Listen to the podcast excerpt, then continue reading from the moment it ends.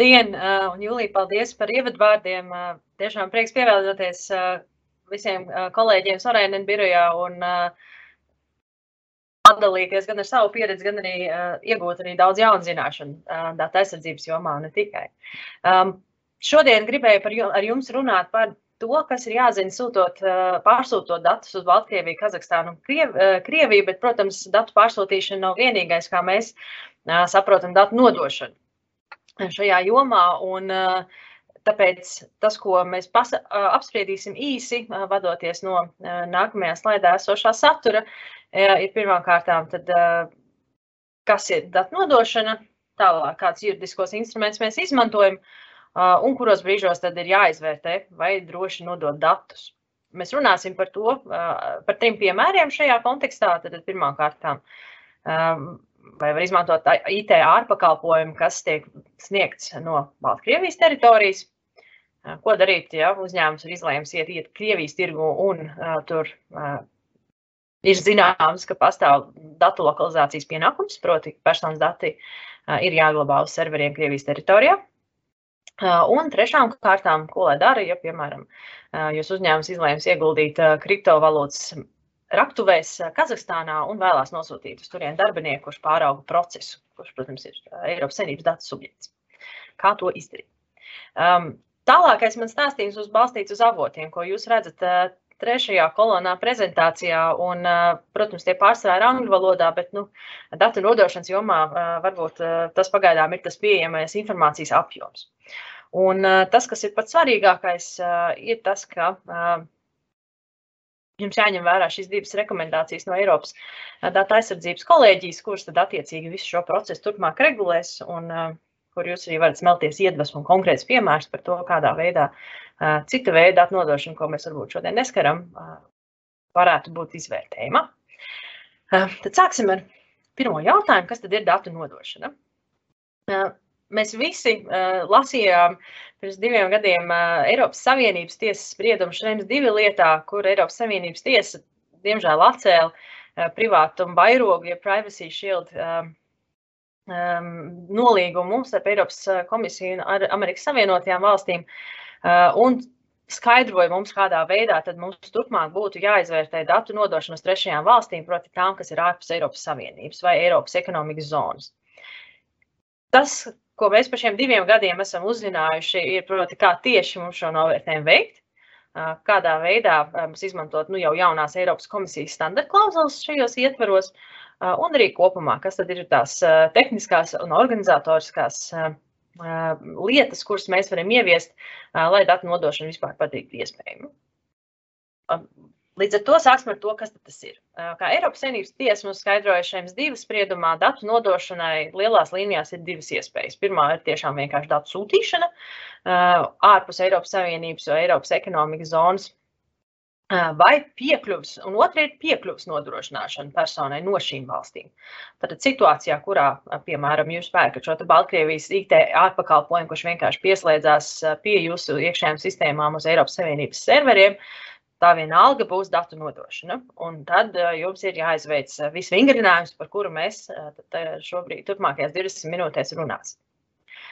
Tas, protams, pirmkārt ir jāzina, jādara pārziņam, un uz pārziņu gulstās šis svarīgais pienākums, un vēl jau vairāk pārziņam ir jāzina par visu datu nodošanas un piekļuvas ķēdi. Protams, situācijā, kurā jūs jau glabājat datus Azure serverī un, un nedod Dievs vēl tā sanāca, ka viņš neatrodas Eiropas Savienībā, jums jau uh, iestājās pienākums tātad izvērtēt, vai šī datu nodošana ir tiesiska. Ja vēl tālāk, uh, piemēram, jūs uh, kāds no biznesa procesiem ierosina paņemt pakalpojumu, kurš tiek sniegts faktiski no Indijas uh, vai caur Indijas, uh, vai tā skaitā uh, Indijā notiek uh, kāda no apkalpošanas darbībām, atkal, diemžēl, tas paredz to, ka uh, jums ir jāizveic vērtējums par to, kādā veidā šie dati tiek nodoti, proti, kādā veidā šī piekļuva tiek nodrošināta un vai tas atbilst uh, garantijām, kas ir paredzēts vispārējā datu aizsardzības regulā. Līdz ar to šie ir tie divi lielie vaļi, uz kuriem mēs arī balstīsim tālāko stāstījumu. Tajā brīdī, kad biznesa procesā atnāk un saka, labdien, mēs vēlamies nodot datus uz trešo valsti, ja iesaistīt kādu no ārpus Eiropas Savienības pakalpojumu sniegšanā.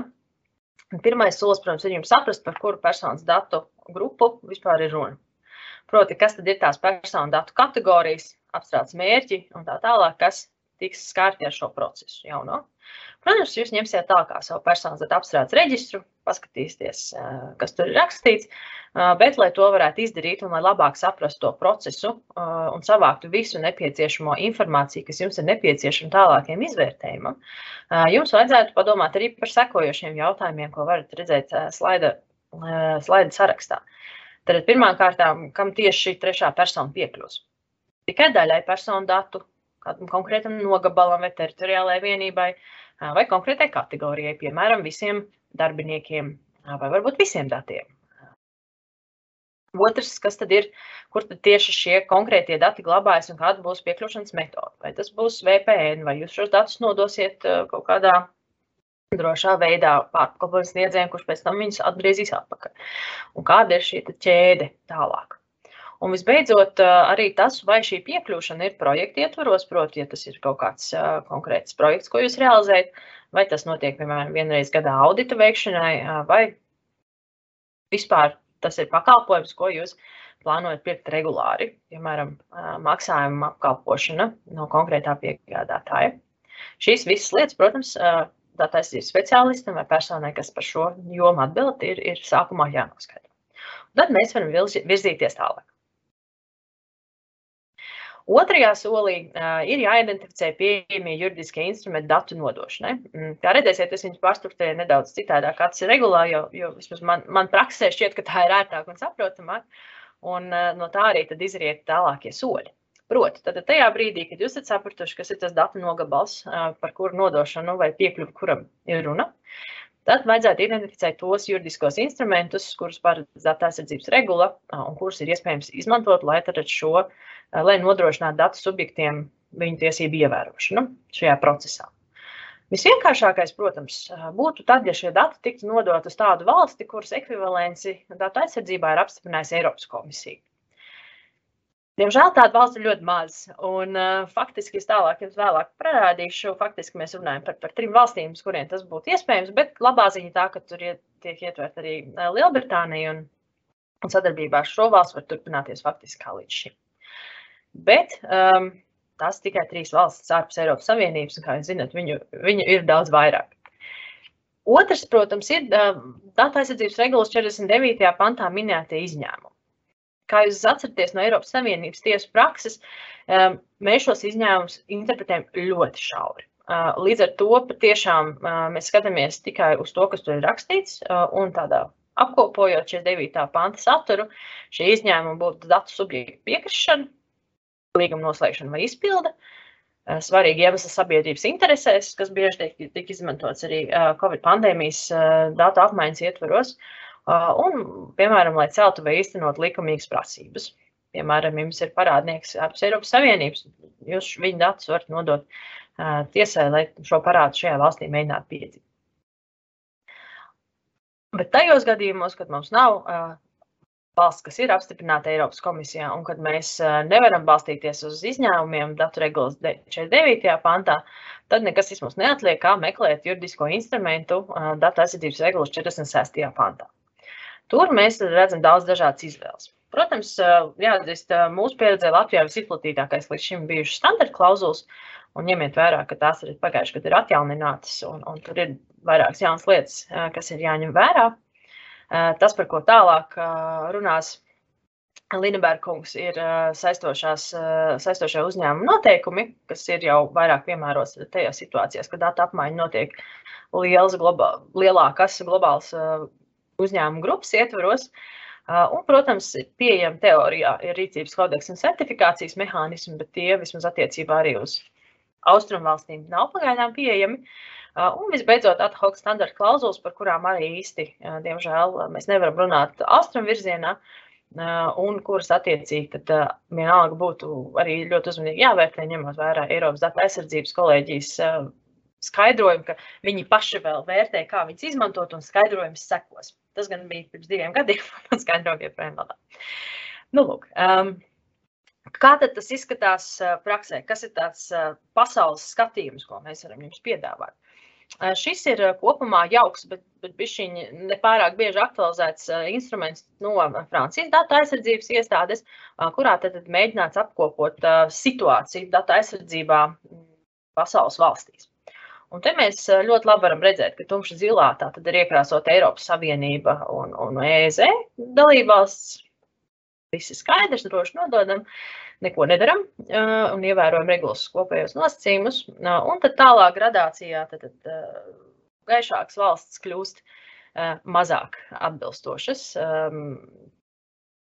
Šajā gadījumā tad šie kriteriji, ko arī franču valodā var redzēt, un kas arī regulāri paredzēti, tad mēs vērtējam pēc tā, vai vispār ir personas datu aizsardzības normatīvs valstī, vai ir institūcija, kas to ievēro un uzrauga, un, un vai attiecīgi kopumā tiek nodrošināts datu subjektiem aizsardzība. Un par to es vēl būs atsevišķi nedaudz tālākos soļos komentārs. Nu, lūk, un, un šeit tad, nu, jūs redzat, ka jā, ja mēs runājam par tām valstīm, ko mēs šodien apskatām, labi, par Baltkrieviju, tad, diemžēl, datu nav, jo viņu likums ir relatīvi nesen stājies spēkā, bet tad, arī Krievijā, Kazahstānā likums ir.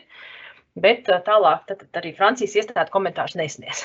Nu, lūk. Bet šī karta ir interaktīva. Droši tiem, tiem kas, kam ir pieejama, jūs redzēsiet saiti tajā pirmajā slaidā, un, un to var papētīt, paspēlēties, pastīties, kas, kas, kas tur notiek.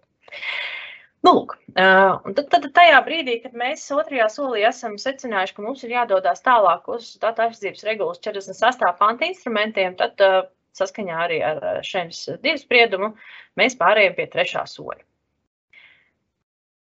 Ines, jā, bet tas, ko mums vajadzētu saprast, ir, kā tas izstāsta praksē. Līdz ar to tas pirmais praktiskais jautājums ir, ko tad darīt ar to darbinieku nosūtīšanu uz kriptovalūtas atradni Kazahstānā.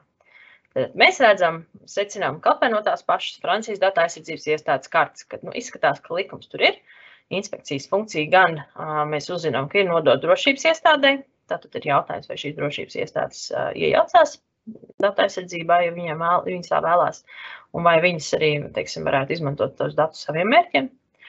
Un Tālāk mēs redzam arī, ka, sekojot varbūt Krievijas paraugam, relatīvi nesen Kazahstāna ir arī ieviesusi pilsoņu personas datu lokalizācijas pienākumu, tad tie ir jāglabā serveros Kazahstānā. Ko darīt? Vai mums ir jāiet uz ekvivalents vērtējumu? Šajā gadījumā, tā kā viņš ir teorētiski, tad pirmšķietam šķiet, ka te varētu iztikt ar izņēmumu un domāt par līguma noslēgšanas pamatu kā attaisnojumu šai datu nodošanai. Bet, protams, kā jau jūs zinat, tas ir atkarīgs no detaļām tā tālāk. Bet, nu, tīri konceptuāli, man šķiet, ka šis varētu būt tas gadījums, kad izvērtējums nav jāveic un, un to varētu attaisnot citādāk. Protams, ir jāsaprot, ka, kā arī Anna stāstīja, citā kontekstā attiecīgām garantijām un informācijai datu subjektam ir jābūt pieejamam darbinieku privātuma politikā vai līdzvērtīgā dokumentā, te, tepat Latvijā. Nu, Bet citās situācijās, diemžēl, to nevarēs izmantot, un mums būs jādodas tālāk uz trešo soli. Tātad, tajā brīdī, kad mums 46. pants ir jāiedarbina, tad mēs ejam tālāk. Trešajā solī tad, tas, ko mēs darām, mēs cenšamies saprast, kurš tad juridiskais instruments aizsargās personas datus. Ko mēs varētu izmantot, lai šī aizsardzība būtu optimāla. Un šeit šajā izvēlē šobrīd eh, mums vajadzētu salīdzināt nodošanas apstākļus ar tām garantijām, kas ir pared, kas konkrētajā valstī uh, ir pieejams, uh, vadoties no tad, Eiropas datu aizsardzības kolēģijas rekomendācijas 02.2020. Rekomendācija gara, viņa arī ir tāda varbūt, uh, juridiski, juridiski skaista uh, dažāda Eiropas cilvēktiesību tiesas praksa, Eiropas Savienības tiesas praksa un, un tām vērtībām, kuras mēs vēlamies redzēt uh, citās jurisdikcijās, proti likuma vāra, cilvēktiesība aizsardzība un, protams, efektīva tā kontrole. Bet, ja mēs skatāmies uz konkrēti uz, uz tādu apkopojumu šīm vērtībām, tad pirmkārt tām jābalstās uz skaidriem, precīziem, pieejamiem noteikumiem, ir jābūt uh, konkrētiem mērķiem, ir jābūt samērīgiem un nepieciešamiem attiecībā uz šo personas datu ievākšanu. Bez šaubām ir jābūt neatkarīgam pāraudzības mehānismam, un visbeidzot personai ir jābūt pieejamiem efektīviem aizsardzības līdzekļiem, proti ne tikai šim kontrols mehānismam, bet arī tiesai. Un, protams, lai arī mēs varam konstatēt visus šos formālos apstākļus, mums ir ļoti svarīgi saprast, kā tas darbojas praksē. Un arī Eiropas datu aizsardzības kolēģija mums uzdod pārbaudīt, vai konkrētais juridiskais ietvers patiešām atbilst uh, faktiem uh, uz zemes, un, tad, vai, uh, un kādā veidā valsts iestādes šīs pilnvaras izmanto. Tur uh, jums noderēs arī pirmajā slaidā saite uz Essential Guarantees uh, mājaslapu, kur pirmkārt ir mēģināts apkopot šos juridisko ietveru, vai valsts ir pievienojusies Eiropas padomas 108. pantu konvencijai, vai ir kaut kādi citi instrumenti pieņemti. Un tur arī ir saites uz lielākajām cilvēktiesību aizsardzības organizācijām, kuras sniedz kopumā pārskats par aktualitātēm un, un vērtējums konkrētās valsts juridiskiem ietvariem attiecībā uz tiesībām taisnīgi tiesu un līdzīgām cilvēktiesībām, kas būtu jāņem vērā arī šajā novērtējumā. Līdz ar to šis ir tas, tas smagums, faktiski, kas, kas jums ir jāiznes, izvērtējot konkrēto jurisdikciju, konkrētā projekta kontekstā. Piemēram, šeit ir ļoti svarīgi, vai jums ir uh, tikai projekts, kur ietvaros īslaicīgi tiek nodot dati vai nodrošināt tiem pieeja, uh, vai arī jūs jau gribat pirkt kaut kādu nopietnāku pakalpojumu ilgtermiņā. Tad, kad jūs to esat sapratuši, uh, tad arī jums, jums būs lielāka skaidrība par tiem mehānismiem, ko izmantot. Bet pie šī mēs varētu paskatīties arī dažus piemērus. Pirmais tātad būtu Baltkrievijas piemērs, kas ir diezgan izplatīts mūsu reģionā, vai izmantot IT ārpakalpojumu. Um, atnāk biznesa process pie jums un saka, mums ir brīnišķīgs, uh, brīnišķīgi maksājumi uh, iestādes apstrādātājs, kurš atbilst PSD2, atbilst, uh, ir, ir ieviesis ISO 27000 standartu, viss ir fantastiski, cena ir ļoti laba, mēs ļoti gribam ar viņiem sadarboties. Vai tas būtu iespējams? Tajā brīdī jūs sākat pētīt to pašu Francijas iestādes karti, paskatīties ziņas internetā. Ja jūs lasat krieviski, varat atrast arī attiecīgo datu aizsardzības likumu Baltkrievijā un ieraudzīt, ka jā, likums ir, institūcija ir, bet jūs redzat, ka valsts varas iestādēm ir izņēmums no piemērošanas jomas, un viņš ir ļoti vispārīgs. Jūs redzat, ka institūciju vadītāju ieceļ patiešo prezidents, un jūs zinat, ka tas ir autoritārs režīms. Līdz ar to jūs prātojat, kā, kā ir ar neatkarību. Bet vienlaikus arī jūsu pakalpojums sniedzējs saka, ka nē, nē, viņi ir dalībnieki no Baltkrievijas augsto tehnoloģiju parka, un viņu tātad gadījumā viņiem ir papildus aizsardzība, jo tehnoloģiju parkā drīkst iekļūt un kaut ko tur darīt tikai ar vadītāju atļauju, kuram ir laba reputācija nozarē un valstī. Ko jūs darat? Vai varam, vai varam atļaut piekļuvi vai varam ņemt pakalpojumu? Protams, ja jūs lasīsiet Eiropas datu aizsardzības kolēģijas rekomendācijas, redzēsiet, ka ir virkni tehnisko paņēmienu, ko jūs varētu varbūt izmantot, ja jums rodas bažas. Un tās bažas, protams, šeit varētu būt par valsts iestā, drošības iestāžu piekļuvi, ne tik ļoti kā, kā par citām lietām. Un šajā, šajā piemērā man šķiet, ka viens no svarīgākajiem aspektiem tiešām būtu saprast šīs sadarbības biežumu un to, vai ir kaut kāda mehānisma, kurā to sadarbību ļoti, ļoti ātri pārtraukt tajā brīdī, kad, piemēram, politiskā situācija sarežģīta. Vēl viens piemērs mums ir par Krieviju.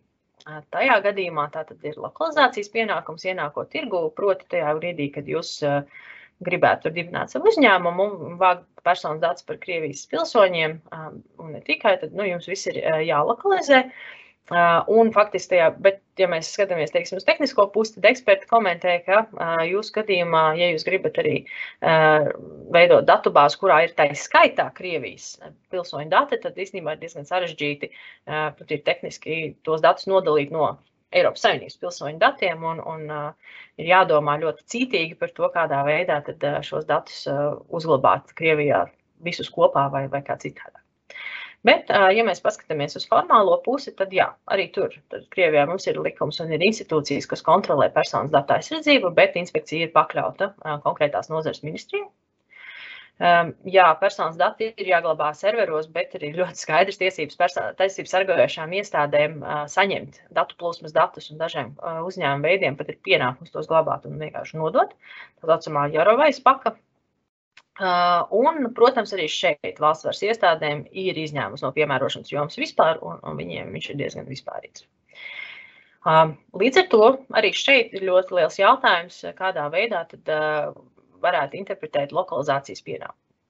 Praksē eksperts saka, ka ir risinājumi, kuros būtu iespējams glabāt Krievijas serveros tikai Krievijas datus vai um, tikai Krievijas datus um, pseidonimizētā vai citādā uh, kriptētā formā. Jo, jo vienkārši valsts iestādēm būtu pārāk sarežģīti viņus atlaust vaļā, ja tas būtu interesanti. Uh, bet, uh, ja mēs runājam par datu nodošanu vispār, tad, protams, jautājums, vai Eiropas Savienības pilsoņu datus būtu droši nodot uz šo jurisdikciju. Tad, kad jūs esat izdarījuši šo vērtējumu, tad jūs varat nonākt pie ceturtā soļa un saprast, ko tad darīt. Ceturtajā solī tātad ir jāizveido papildus pasākumu datu nodošanai. Kā mēs visi zinām no datu aizsardzības teorijas, tie ir principā trīs - līgumiski, tehniski vai organizatoriski. Un tas, kas ir ļoti svarīgi, ja mēs runājam tieši par šīm austrumu jurisdikcijām, tad trešo valstu tiesības sargājušās iestādes varētu apturēt vienīgi tehnisku pasākumu. Tas ir ļoti skaidrs norādījums Eiropas datu aizsardzības kolēģijas rekomendācijās. Tas, kas šeit reāli palīdz praksē, ir tiešām piemēri, kas ir rekomendācijā 012020, kur kolēģi ir centusies nu, parādīt tipiskākos gadījumus ar riskiem un pateikt, kuros gadījumos kolēģi redz vispār neiespējamību nodot datus, proti, tajā brīdī, kad, kad valsts iestādēm, piemēram, ir, ir plašs pilnvars piekļūt datiem, un tur nav nekāds efektīvs kontrols par to. Un ir arī gadījumi, kad tad, tad kolēģi konkrēti iesaka tehniskus pasākumus, kā no tiem izvairīties. Tā kā lūdzu apskatieties un atrodiet to savu konkrēto gadījumu, vai vismaz tuvu tam, un tad jūs varat arī viņu piemērot. Tad, kad jums būs sajūta, ka šo tomēr nodošanu varētu realizēt ar konkrētiem tehniskiem vai organizatoriskiem pasākumiem, vai arī to kombināciju, jūs varat doties pie piektā soļa. Piektajā solī tas ir ļoti relatīvi vienkārši. Jums ir jāpapildina izvēlēto datu nodošanas juridisko dokumentu, nu, vai arī nomaina, jānomaina tas uz citu, tādu, kurš pietiekami paredzētu arī garantijas tehnisko organizatorisko pasākumu izpildēji, kontrolē arī no pārziņu puses. Un, protams, iespēja ļoti ātri pārtraukt sadarbību, ja tomēr nu, šis risks materializējās, kurš jums šobrīd varbūt nešķiet ļoti aktuāls. Un, kā jau minēju, tātad 46. pantā minētie līdzekļi ir arī tie, kas jums ir. Um, jā, tas ir, tas ir, tas ir, tas ir kopumā tas, kas būtu darāms. Un, ja jūs šo datu nodošanu vai piekļuvu nolēmat autorizēt, tad uh, mēs arī aicinātu atcerēties par sesto soli, proti šo te izvērtējumu aktualizēšanu. Izvērtējums, kas, protams, jums ir jāizveic rakstveidā un jāglabā tajā gadījumā, kad jums varētu tas noderēt arī uzrādīšanai datu aizsardzības iestādē, noderēs arī jums tad, kad jūs gribēsiet viņu aktualizēt. It īpaši, ja mēs runājam par Kazahstānu, Baltkrieviju un Krieviju, viss kaut kas var mainīties, kā jūs zinat, arī joprojām pārmaiņas šajās valstīs laika laikam notiek. Nevienmēr par labu datu aizsardzības jomai. Un jums ir jādomā par šo dokumentu arī aktualizēšanu tieši tāpat, kā jūs darat ar visu pārējo. To arī attiecīgi mēs klientiem arī palīdzam darīt un labprāt arī palīdzam izvērtēt konkrēto valstu riskus. Īsumā tas būtu ievadam viss. Lasiet rekomendācijas, un, protams, esmu pārliecināta, ka arī Lineberga kungs savā prezentācijā ieskicēs varbūt kādus svarīgākos aspektus, kas jums jāņem vērā tad, ja jūs izvēlēsieties tomēr uzņēmumu saistošos noteikumus, kā to vietu, kur tā skaitā organizēt arī datu nodošanu tām valstīm uz austrumiem no Latvijas, par kurām, kuras ietilpst jūsu uzņēmuma grupā. Paldies jums liels un produktīvu tālāko dienu!